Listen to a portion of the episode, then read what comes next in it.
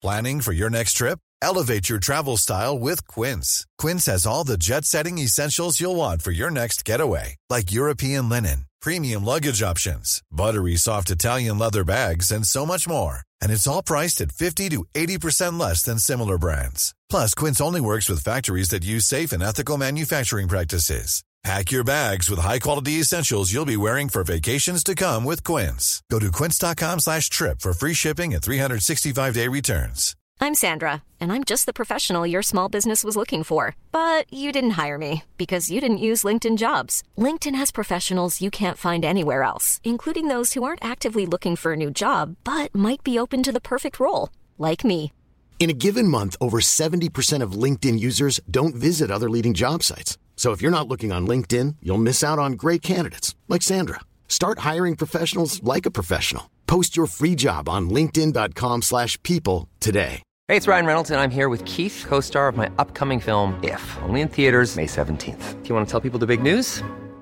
All right, I'll do it. Sign up now and you'll get unlimited for $15 a month and six months of Paramount Plus Essential Plan on us. Mintmobile.com slash switch. Upfront payment of $45 equivalent to $15 per month. Unlimited over 40 gigabytes per month. Face lower speeds. Videos at 480p. Active Mint customers by 531.24 get six months of Paramount Plus Essential Plan. Auto renews after six months. Offer ends May 31st, 2024. Separate Paramount Plus registration required. Terms and conditions apply if rated PG.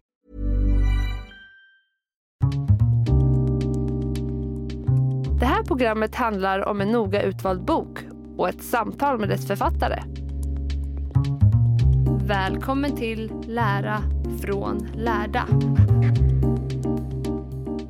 Fredrik Hilleborg vid micken och den här veckan har jag läst en bok som heter Klimakteriet, besvärad eller befriad.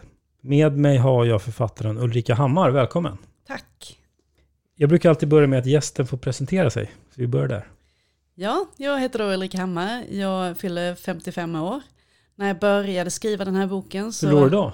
Nej, i, Nej. i augusti. Ja, det lät så, jag fyllde 55. Ja, Nej, i augusti fyller jag 55. ja, ja förlåt. När jag började skriva den här boken så hade jag själv kommit in i klimakteriet.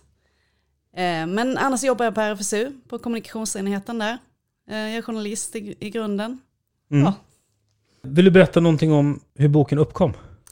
Ja, det började med att jag skulle skriva en artikel till tidningen Ottar om klimakteriet. Och det var hösten 2020, då det var flera eh, klimakteriemediciner som blev restnoterade. Vilket har hänt nu igen, det händer med jämna mellanrum.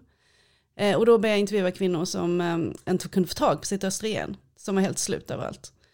Eh, och då när jag började skriva om det så upptäckte jag här finns det hur mycket som helst att berätta. För det var inte bara brist på östrogen, det var också svårigheter att få tag på det bioidentiska progesteronet som många vill ha. Mm. Och sen satte jag igång och började jobba och då, då började jag liksom i en helt annan ände vad jag hade tänkt från början. Så då började jag liksom titta på synen på klimakteriet också genom historien.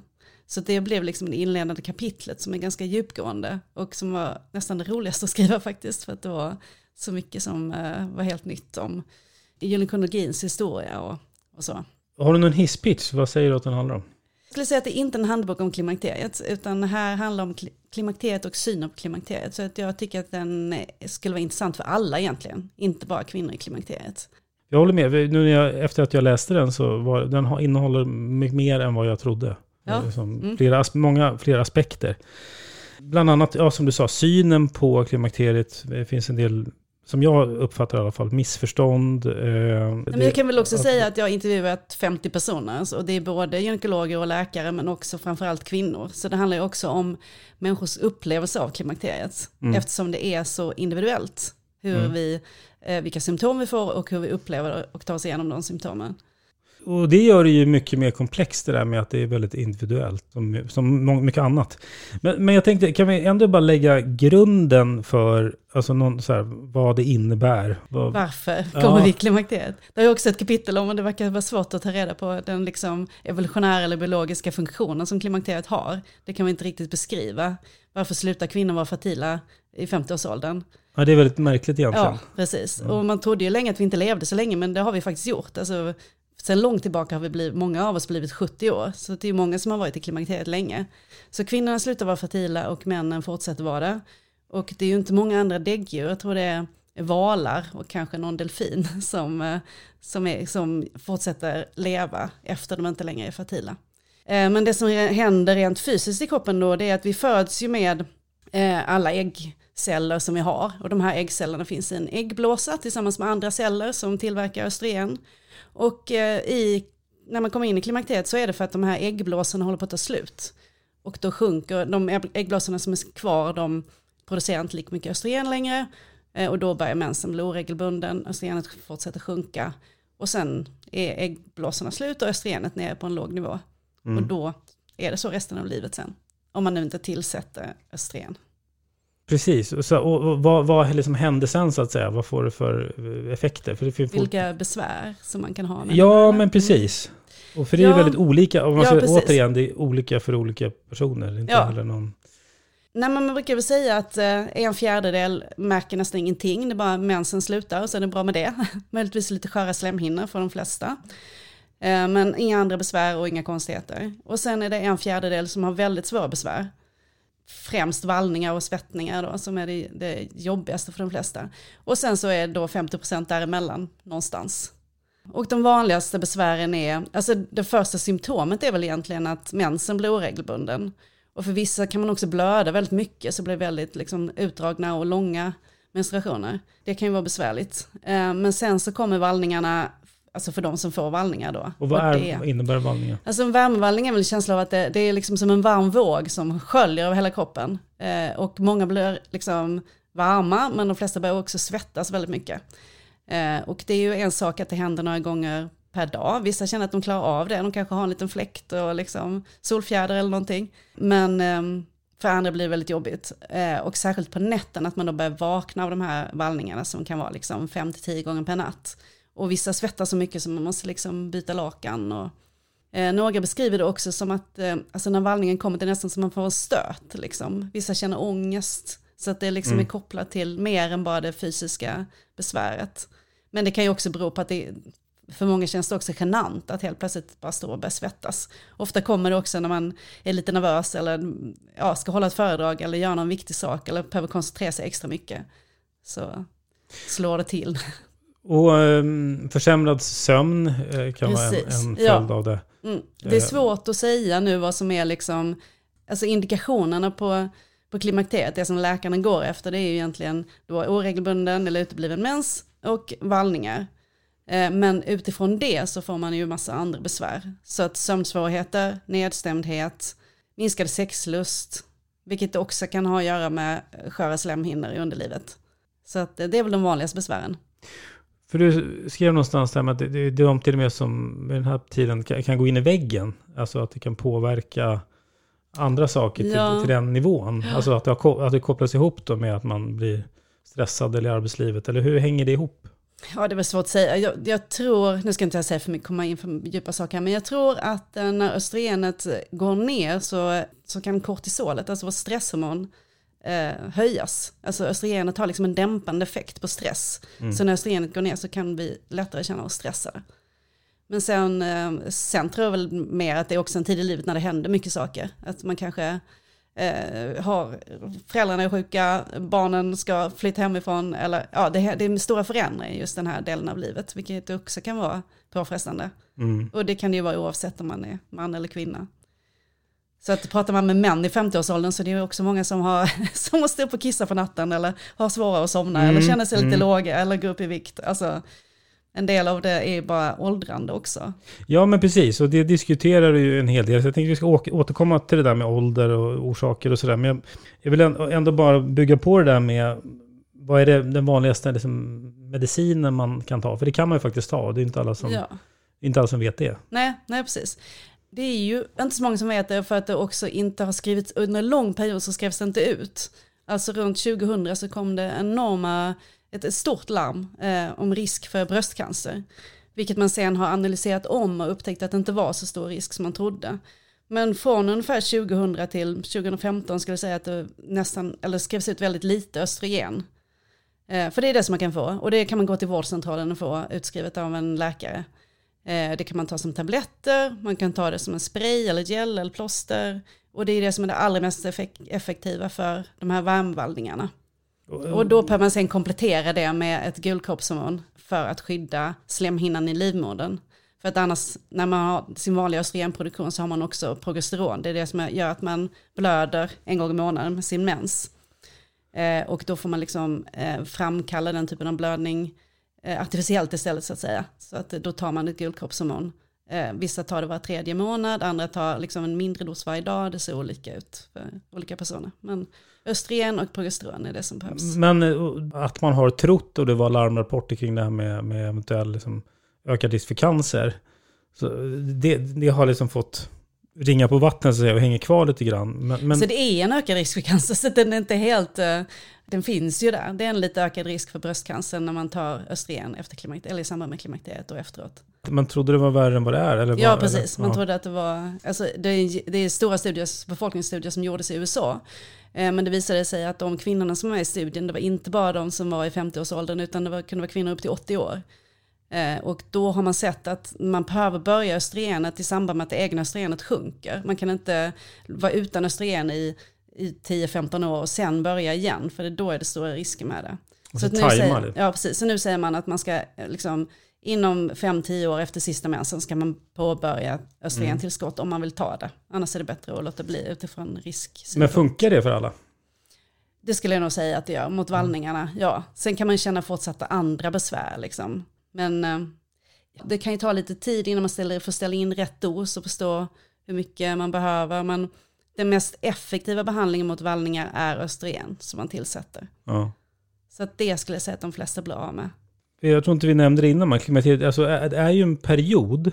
Ja. Vad händer efter den perioden? Då försvinner de här symptomen. Ja, alltså, det, ja, för många gör det det. För vissa så, nu har jag inte några siffror, det tror jag skriver om det i boken, att man har också undersökt 80-åringar som fortfarande tar östrogen. Jaha, då eh, fortsätter den fast ja, de egentligen inte så, behöver det, det, Nej, men att de fortfarande känner vallningar om de slutar. Okay. Mm. Eh, så kanske inte riktigt lika besvärande som de skulle varit just i 50-årsåldern vid, vid övergången så att säga. Men för vissa så är det fortsatt besvär livet ut.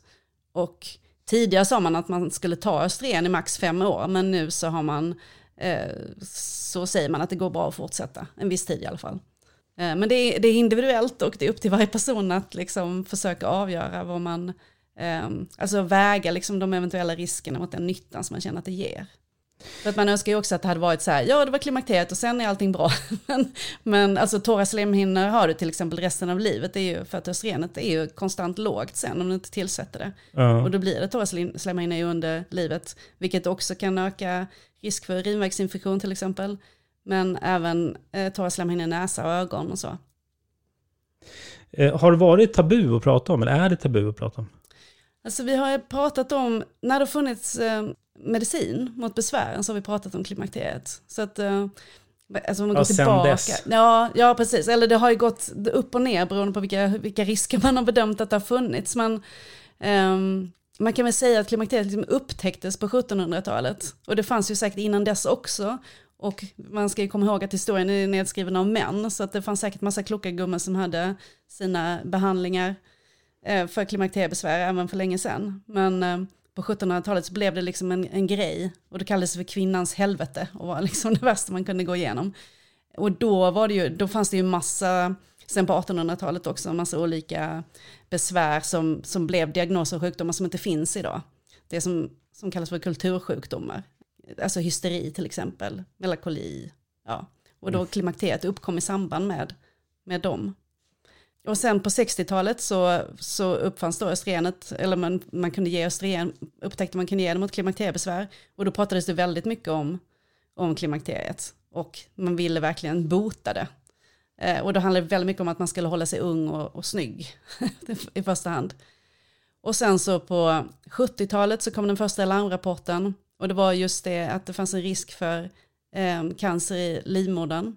Och då upptäckte man att man, man måste tillsätta det här gulkroppshormonet eller progesteronet för att minska den risken. Eh, så att på 70-talet så var det mycket bara att celler i och ta raska promenader och det var ingen som förskrev någon medicin och man pratade inte så mycket om det då heller. Och sen så började man tillsätta progesteronet och då började man prata om det igen. Så mm, från, mellan 80, från 80-talet och 2000 så pratades det väldigt mycket om det. För att då folk tog östrogen och vissa fick östrogen utskrivet fast de inte ens hade några besvär. Det var liksom nästan på, på automatik. Mm. Och sen då som sagt bröstcancerrisken eh, med de här larmrapporterna på 2000-talet eller runt millennieskiftet. Eh, och då blev det väldigt tyst om det igen. Så att det, när, när det liksom började pratas om det igen, jag tror runt 2015 kanske, då hade det varit tyst ett tag. Och då tror jag att det är många som bara hade gått och bitit ihop och eh, både liksom skämts för att det inte pratades om det. Alltså att det var tabu liksom. Mm. Nu det, det känns konstigt nu, men det var inte så länge sedan som, som man inte ville prata om det. Hur ser kunskapsläget ut kring det? För att, dels när, när jag, som jag tänkte mycket på när jag läste det, det, det du beskriver, det finns ju mycket forum på sociala medier, på Facebook, där det diskuteras och Mm. delas och det här, åh, det här, vad, vad händer med det andra, det här känner jag hit och dit och så, och så blir det, utifrån det så uppstår det dels både sanningar och lite alla möjliga rykten och egna Mm. behandlingar och sådär. Hur, hur ser kunskapsläget ut? Alltså Socialstyrelsen har gjort två kartläggningar eh, om klima, hur klimakteriet och klimakterievården ser ut i Sverige idag. Och de, det finns ju åtgärdslistor nu som ska liksom förhoppningsvis genomföras. Eh, men den visade att ungefär en tredjedel av svenska kvinnor är helt oförberedda på, när de, kom, alltså när de kommer i klimakteriet, så bara vad är det som händer? De vet inte om, de förstår inte vad det är för någonting. Mm. Eh, och också att många läkare alltså på vårdcentraler inte är så vana fortfarande vid klimakteriepatienter eftersom det har varit så lång period när folk inte har gått till läkarna för de här besvären. Så att de har inte heller på rak arm alltid en rutin att fråga saker som gör att man kommer på att det är klimakteriet. Nej. Och då kan det finnas problem att vissa får sömntabletter, eller insomningstabletter kanske, eh, eller antidepressiva utskrivet. Ja, man löser bara liksom det. Ja, för man förstår inte att det beror på klimakteriet. Nej. Utan, alltså varken patienten eller läkaren eh, har, tittar med de glasögonen. Eh, men förhoppningsvis håller det på att ändras. Eh, så att jag tror Och att var det ska är många ändringen, som... det, det- det ska komma från vårdhållet så att säga, ändringen? Ja, alltså nu kommer jag inte ihåg vad Socialstyrelsen kommer för rekommendationer, men det var dels ett eh, nationellt kunskapsunderlag som, all, som ska gå ut liksom över hela, rullas ut över hela landet och sen också några informationsinsatser för kvinnorna själva. Mm. Sen står, det står ju väldigt mycket på 1177, så vill man liksom lära sig grunderna om klimakteriet så kan jag rekommendera att gå dit. Det är väldigt bra information där. Sen finns det också de som är på Facebook, i de här Facebookgrupperna, och då är det kanske snarare att man har förstått att man är i klimakteriet, eh, eller hört om klimakteriet och tänker att oj, det jag, det jag känner beror på klimakteriet. Och så går man in i de här grupperna och, och jämför och pratar med varandra. Och där kan väl ibland tycka, alltså när jag skrev boken, jag ska säga också jag blev väldigt hjälpt av grupperna. Jag har intervjuat många av kvinnorna som hänger i de här grupperna och fått jättebra berättelser från dem. Jag har full förståelse för att det är, man hittar en gemenskap där och att man får stöd och hjälp från andra. Men jag, jag mådde själv sämre när jag, var, när jag hängde där för att jag, oj, nu känner jag nog lite myrkrypningar i benen när jag ska somna eller eh, nu behöver jag nog ta den här magnesiumtabletten för att jag har styrketränat eller ja, vi kan ju bli ganska upptagna av våra kroppar generellt. Alltså det är en trend i samhället just nu att vi ska liksom mäta och hålla koll på hur många timmar vi sover, hur många steg, vi tar och så vidare. Och då blir liksom klimakteriet ytterligare en grej att Just det. parera. Kan det inte vara det? Kan det inte vara det? Jag känner Ja, precis. lite. Mm. Och, och i de här grupperna också då så diskuteras det väl både eh, vad som har funkat för vissa, om man delar liksom tips på läkare eller vart man ska gå någonstans för att få olika... Ja, precis. Det är ju ett, ett, en stor utmaning är att vi i Sverige inte har tillgång till det bioidentiska eh, progesteronet. Ehm, utan vi, vi får det här eh, gestagenet istället. Och det får många biverkningar av. Och det här bioidentiska progesteronet, det finns liksom i England till exempel och i Frankrike skrivs det ut, men läkemedelsföretaget som tillverkar det har inte ansökt om att få ge ut det i Sverige än. Ehm, jag har försökt ta reda på varför, jag har väldigt svårt att få något svar. De säger hela tiden vi ska snart skicka in vår ansökan eller ansökan innan. Det, det har inte hänt någonting, jag vet inte var det, var det, var det har stoppats upp. Men då finns det vissa läkare som ändå skriver ut det. För att man kan skriva ut det på licens eller man kan skriva ut det utanför indikationen som det heter. Eh, för det här, man använder det också när man behandlar eh, i- för IVF, alltså barnlöshet. Ehm, och då de här lä- läkarnas namn delas i de här Facebookgrupperna så att kvinnorna vet vad de ska vända sig om de vill ha tag på de här preparaten. Mm. Hey, it's Ryan Reynolds, and I'm here with Keith, co star of my upcoming film, If, only in theaters, May 17th. Do you want to tell people the big news? All right, I'll do. it. Sign up now and you'll get unlimited for $15 a month in six months of Paramount Plus Essential Plan on us. Mintmobile.com slash switch. Upfront payment of $45 equivalent to $15 per month. Unlimited over 40 gigabytes per month. Face lower speeds. Videos at 480p. Active Mint customers by 531.24 get six months of Paramount Plus Essential Plan. Auto renews after six months. Offer ends May 31st, 2024. Separate Paramount Plus registration required. Terms and conditions apply if rated PG. Many of us have those stubborn pounds that seem impossible to lose, no matter how good we eat or how hard we work out. My solution is PlushCare. PlushCare is a leading telehealth provider with doctors who are there for you day and night to partner with you in your weight loss journey. They can prescribe FDA-approved weight loss medications like Wagovi and Zepbound for those who qualify. Plus, they accept most insurance plans. To get started, visit plushcare.com slash weight loss. That's plushcare.com slash weight loss. Wow. Nice. Yeah. What you're hearing are the sounds of people everywhere putting on Bombas socks, underwear, and t-shirts made from absurdly soft materials that feel like plush clouds. Yeah, that plush. And the best part? For every item you purchase, Bombas donates another to someone facing homelessness. Bombas. Big comfort for everyone. Go to bombas.com slash ACAST and use code ACAST for 20% off your first purchase. That's bombas.com slash ACAST. Code ACAST. För man får ju bilden av att man, man kan få lite olika bemötanden beroende på vart man bor någonstans i Sverige, Ja. olika regioner, olika Mm. läkare och man, man får olika besked och sådär. Mm. Vad har du fått för bild av det? Ja, men jag, jag har intervjuat en läkare i Örebro. Hon är väldigt van att ta emot klimakteriepatienter för det kommer ju säkert någon en veckan eller så till henne, bara av hennes vanliga, som går till henne som en husläkare. Så att hon har liksom sina klimakterieglasögon på när hon möter kvinnor i 50-årsåldern och förstår att det kan vara det. Ehm, men däremot om du går till en allmänläkare i Stockholm, vi är så bort, bortskämda så det är ju jättebra att vi har tillgång till gynekologer. Ehm, men då är det, det är liksom, allmänläkarna vet inte ens var gynstolen finns någonstans och de vill inte skriva ut hormoner utan det vill de hellre eh, remittera till en gynekolog. Ehm, men det är ju ett problem då att det inte finns tillräckligt mycket gynekologer över hela landet. Det är kanske det som skulle behövas. Eller så behöver allmänläkarna bli bättre på eh, klimakteriet.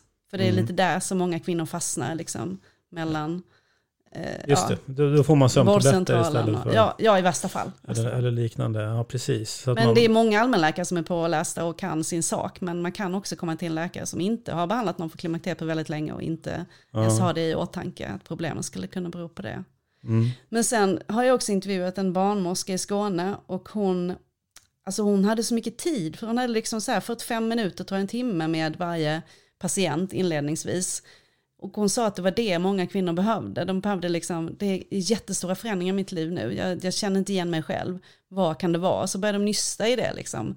Och det kunde ju både vara liksom rent faktiska praktiska saker som hände i livet. Alltså, jag kanske ska skilja mig eller mina, nu har min mamma um, åkt in på hem eller um, min dotter flyttat hemifrån eller allt det där som händer i livet. Att bara få ha någon att liksom lägga alla korten på bordet. Och sen kunde det vara eh, fysiska besvär av olika slag och så. Men bara någon som lyssnar och hjälper till och kartlägga ens liv lite. Och, Bara det gör mycket. Ja, jag tror det. Hon, hon upplevde det så i alla fall. Att för vissa var det, de ville liksom bara prata av sig, få lite stöd och hjälp och kanske få lite praktiska råd om hur de själva kunde minska sina besvär. Och sen så om det behövdes så kunde hon då boka in eh, eh, en tid med läkaren på den mottagningen. Som kunde skriva ut östrogen om det behövdes. Men det var liksom, mm, östrogen fixar inte allt, utan det fixar ju de besvären som finns. Men jag ser ju också klimakteriet som en liksom existentiell övergång till en annan tid i livet och då det kan man inte medicinera bort liksom utan Nej, jag tänkte vi skulle komma till det, för det är ju väldigt intressant just det skiftet liksom, Mm. som det någonstans står för. Eh, Men innan det, vad, vad skulle du säga, vad är de största missförstånden kring klimakteriet? Nej men det, det är nog att man liksom, det finns ju en, det finns en rädsla för klimakteriet och det finns en rädsla för åldrandet. Och det finns en missförstånd att man liksom, oj nu kommer jag bli en liten tråkig grå gumma efter det här. Alltså, eh, Eh, och att man då till varje pris vill klamra sig fast vid den man har varit eller till och med klamra sig fast vid klimakteriebesvären för att så länge man är i klimakteriet är man fortfarande inte gammal på riktigt liksom. Mm så ett missförstånd är nog att, oh, att det är något hemskt som man ska ta sig igenom, att det är ännu värre på andra sidan. och, och det du sa nu, det här med, med liksom att man associerar det med att, ja precis, man träder över, man blir gammal eller gammal gumma och sådär. Mm. Det, och, när jag, liksom efter jag läste den, jag tror också att det måste ju också ha påverkat det här med att man kanske inte gärna pratar om det, man kanske helst, ja, helst inte, nej men inte jag, det är säkert mm. något annat. Alltså, och att det är något man vill ha det, man vill inte Eh, Eh, ja, men att det associeras med det, tänker jag. Ja, ja. Det håller ju på att förändras och vi har ju pratat om det ganska mycket de senaste åren med Klimakteriepodden och Monica Björn som har skrivit böcker om, eh, alltså med positiv bild på hur man kan eh, ja, fortsätta leva ett gott, gott liv och ta hand om sig själv och eh, blomstra kan man säga. Ja, för att det, du, du nämnde ju det, det existentiella, det här med att det också är ju en, ja men en, man kan ha en annan syn på det. Det är flera intervjuare som har en helt annan syn på det. Kring det här med liksom att det är en brytningstid, alltså att det är en ny fas. Precis som man har massa olika brytningsfaser i livet. Mm. Att det kan vara något positivt. Ja, Nej, men jag, alltså jag känner mig ganska tacksam för klimakteriet. För att jag tycker det är, det är liksom som att kroppen kallar lite på en och nu får du börja ta hand om mig här för att eh, alla de grejer man gör för att må bättre i klimakteriet, alltså, det är ju saker som man gör att man lever längre också och, och lever friskare framförallt. Alltså att man ser till att man får sin sömn, att man kanske skär ner på alkohol, man tränar mer, man tar hand om sin kropp. För gör man det då mår man bättre i klimakteriet och efter klimakteriet. Och, och resten av livet liksom också. För, ja, precis. Och så tänker jag för vissa män, nu är ju många väldigt hälsomedvetna, men för vissa män tänker jag att det bara kan tuffa på liksom. Och så gör man som man alltid har gjort liksom, och helt plötsligt får man sin hjärtinfarkt eller någonting. Mm. Alltså det smyger sig på mycket mer. Eh, det här är lite mer omskakande, hallå nu får du börja ta hand om din kropp och eh, se över hur du lever. Det kan inte köra på som du gjorde när du var 25. Att man kan se det som det också, alltså någon, en väckarklocka, ett skifte. Ja, precis. Och sen så har jag pratat med en dansk forskare som heter Lotte Vas. Hon, eh, hon såg att alltså för många var föreställningen om klimakteriet mycket värre än vad klimakteriet sen var. Så att många hade den där bilden av att oj vad jobbigt och svårt det kommer vara och sen så bara, var det bara det här? Alltså, eh, och att många också kände liksom en väldigt positiv bild eller upplevde väldigt positivt efter klimakteriet, att det liksom, de kände sig friare, de, det kändes skönt, liksom, de trivdes med sina kroppar, det var skönt att slippa mensen och skönt att slippa sig, oroa sig för att bli gravid och, och brydde sig lite mindre om vad andra tänker och eh, mm. det var liksom en befrielse för många. Mm. Som vi sa innan där med åldrande, för att någonstans det är svårt att veta. Alltså, det naturliga åldrandet gör ju också massa saker med oss Ja. Alla, män och kvinnor. Eh, så att just när det gäller det är svårt också, tänker jag, att veta vad som är vad. Ja, men, vad som är, eh, alltså det här med, och så, återigen det här med, ja det ser klimakteriet, ja men det blir också naturligt åldrande, helt ja, naturliga precis, saker som ja. händer också. Och särskilt liksom, om man går igenom klimakteriet, alltså säga att det ändå är 57 år i genomsnitt som man har de här besvären. Det är ju det är under 57 år, så i 50-årsåldern så åldras man liksom, men det gör ju både män och kvinnor. Ja. Eh, så att det går ju inte att hålla sig fast vid det som den man har varit. Det gör det inte för någon. Är, vi ska ju alla åldras och dö.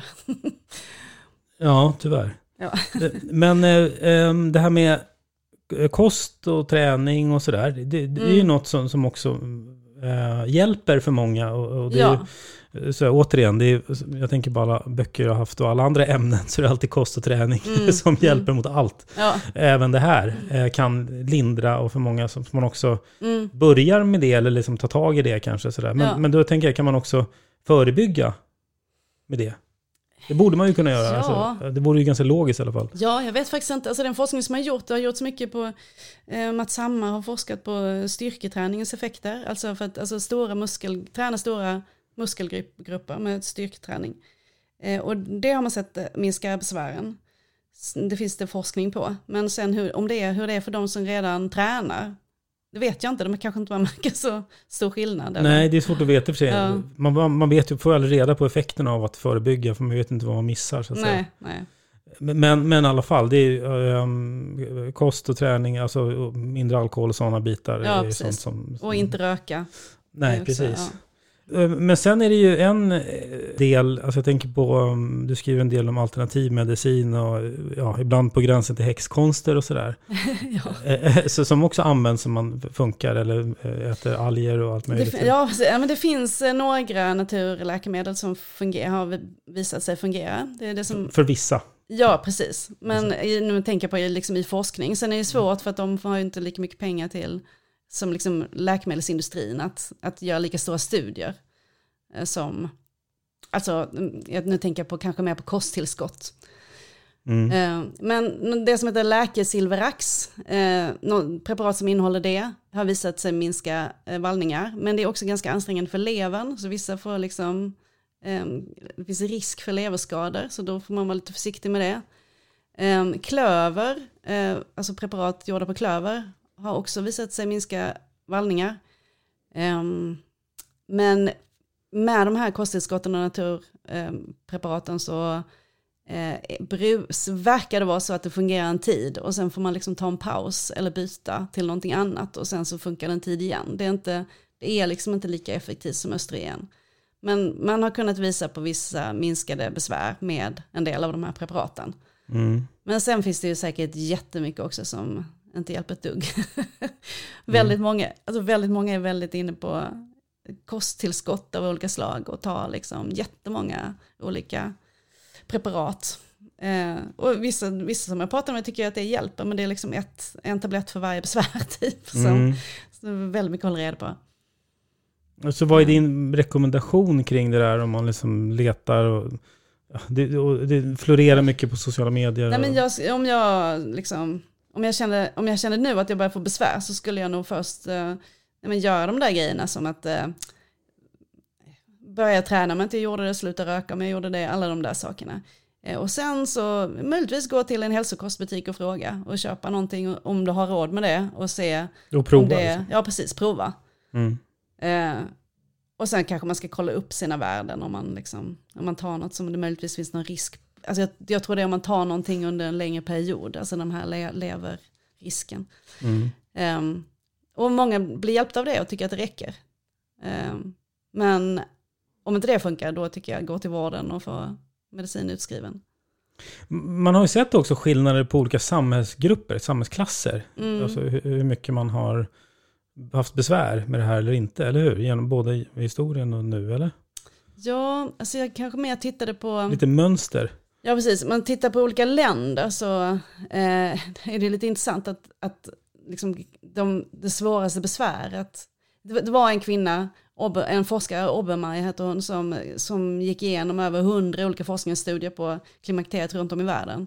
Och då var det väldigt olika symptom, så att man liksom, i Japan hade man liksom stela skuldror och i, jag kommer inte ihåg nu, i andra länder så kanske utmattning var det största symptomet och att vallningar var något väldigt västerländskt där. Eh, Det var liksom när man fick tillgång till östrogenet och den västerländska medicinen som de västerländska symptomen började komma. Men, Nej men det var olika, olika besvär i olika länder helt enkelt. så, Och men vad kan man- man dra för slutsats av det? Eller vad säger det? Nej men egentligen så tror jag att de som har tillgång till östrogen tillåter sig att känna de besvären som östrogen botar. Eh, har man inte tillgång till något preparat, det är många länder som inte, där man inte får östrogen för sina klimakteriebesvär. Ja, globala sydländerna. Och det, jag tror, alltså det är klart att de också har vallningar men de får liksom stå ut med det. Och då pratar man kanske inte så mycket om det heller, det är bara någonting som händer en liksom. Mm. Jag, jag tänker lite på det här med, med, så är det ju med andra besvär eller liksom mindre sjukdomar eller liksom förkylda eller vad som helst, så ska man ta någonting för att kunna fortsätta tuta på liksom, Ja. med sitt jobb. Och, Ja. man, man, ska liksom få bort det som stör en så att säga, Ja. i, sin, i sin vanliga eh, tuta och köra-liv. Någonstans liksom intressant med det här att det blir ju, när det kommer in i bilden i livet så ska man få bort det för man ska fortsätta tuta och köra. Ja, ja. Helt enkelt. Ja, precis. Men det finns ju de som bara vill, ja, men jag vill bara bli av med mina vallningar och så får jag östrogen och sen ska jag fortsätta som vanligt. Jag vill att allt ska vara som det har varit. Men jag tror att även de som medicinerar sig och blir av med sina besvär ändå måste gå igenom den existentiella förändringen som det innebär på något sätt. Alltså, Mm. jag, jag ser det som en pubertet, vi är liksom inte samma person före och efter puberteten. Jag tror inte vi är samma personer före och efter klimakteriet. Nej. Jag, tycker, jag tror det handlar jättemycket om oss, oavsett om vi har fått barn eller inte, att inte längre vara fertila. Och kanske också känna sig mindre sexuellt attraktiva. Och vem är man då när man har liksom blivit uppfostrad med den manliga blicken på sig och att, att liksom bli uppskattad för um, yttre attribut eller vad man ska säga. Men även det kan ju vara en befrielse ska jag till, tillägga. Ja, men Ja. exakt. Alltså det är återigen det, alltså det, det andra perspektivet som Mm. du tar upp i boken, att det blir något annat. Och samma sak med det här liksom att man, man också kan inte tuta på utan man kan faktiskt eh, lugna ner sig en aning och reflektera. Alltså det är en ny skede i, livet där det finns andra... Ja. Det var ju eh, en kvinna som jag pratade med, hon tyckte vi skulle ta ett helt friår och bara liksom pausa hela livet och tänka efter vad ska vi göra nu. Att verkligen se det som en, en möjlighet till att gå in i en puppa och komma ut som en ny fjäril. Är det några bitar i boken som vi inte har tagit upp som du vill nämna? Jag har ett kapitel om klimakteriet på arbetsplatsen. Den kan vara lite intressant och även i samband med det skulle man kunna prata lite om klimakteriet i England för de har ju pratat väldigt mycket om klimakteriet. Nästan lite för mycket skulle jag kunna säga också. Varför Mm. har de gjort det? Och det är framförallt Jag vet, politiker... varför, jag vet inte varför de har gjort det, men det har blivit en väldigt stor grej. Eh, och eh, jag tror att det är bra, för jag tror att många behöver bättre vård och många har lidit länge. Och så ser det ut, så är det i England och så är det i Sverige också.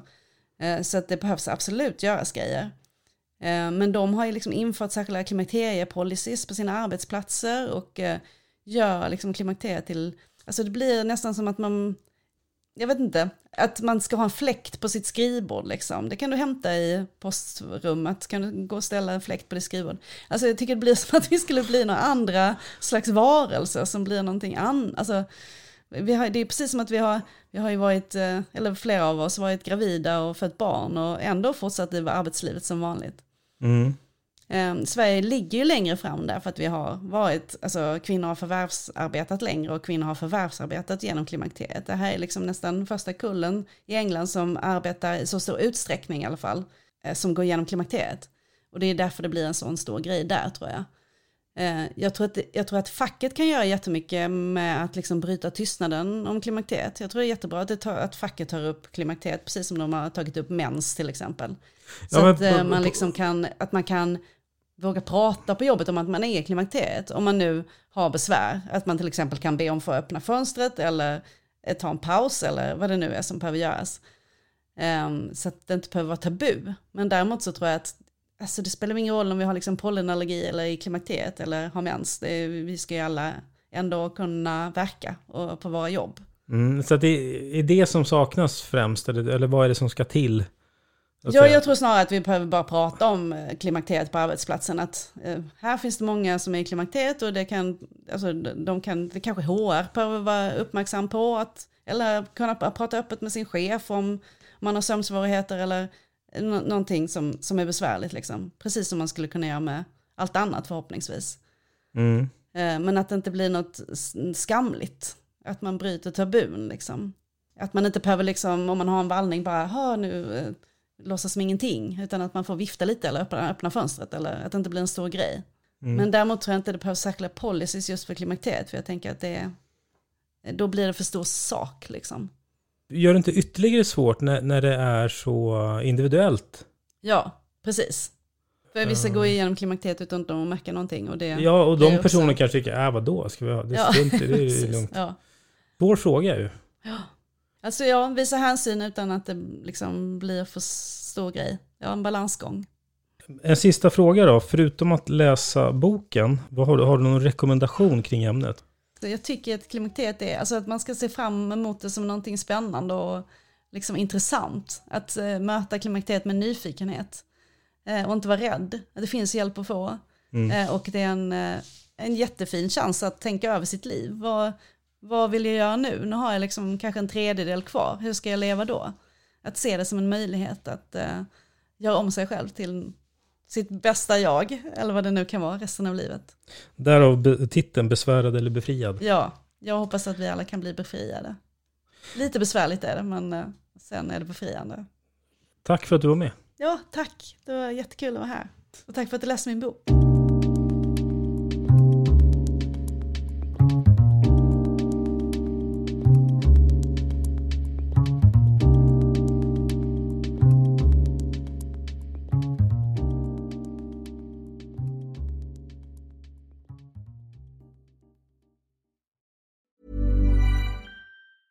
Planning for your next trip? Elevate your travel style with Quince. Quince has all the jet setting essentials you'll want for your next getaway, like European linen, premium luggage options, buttery soft Italian leather bags, and so much more. And is all priced at 50 to 80% less than similar brands. Plus, Quince only works with factories that use safe and ethical manufacturing practices.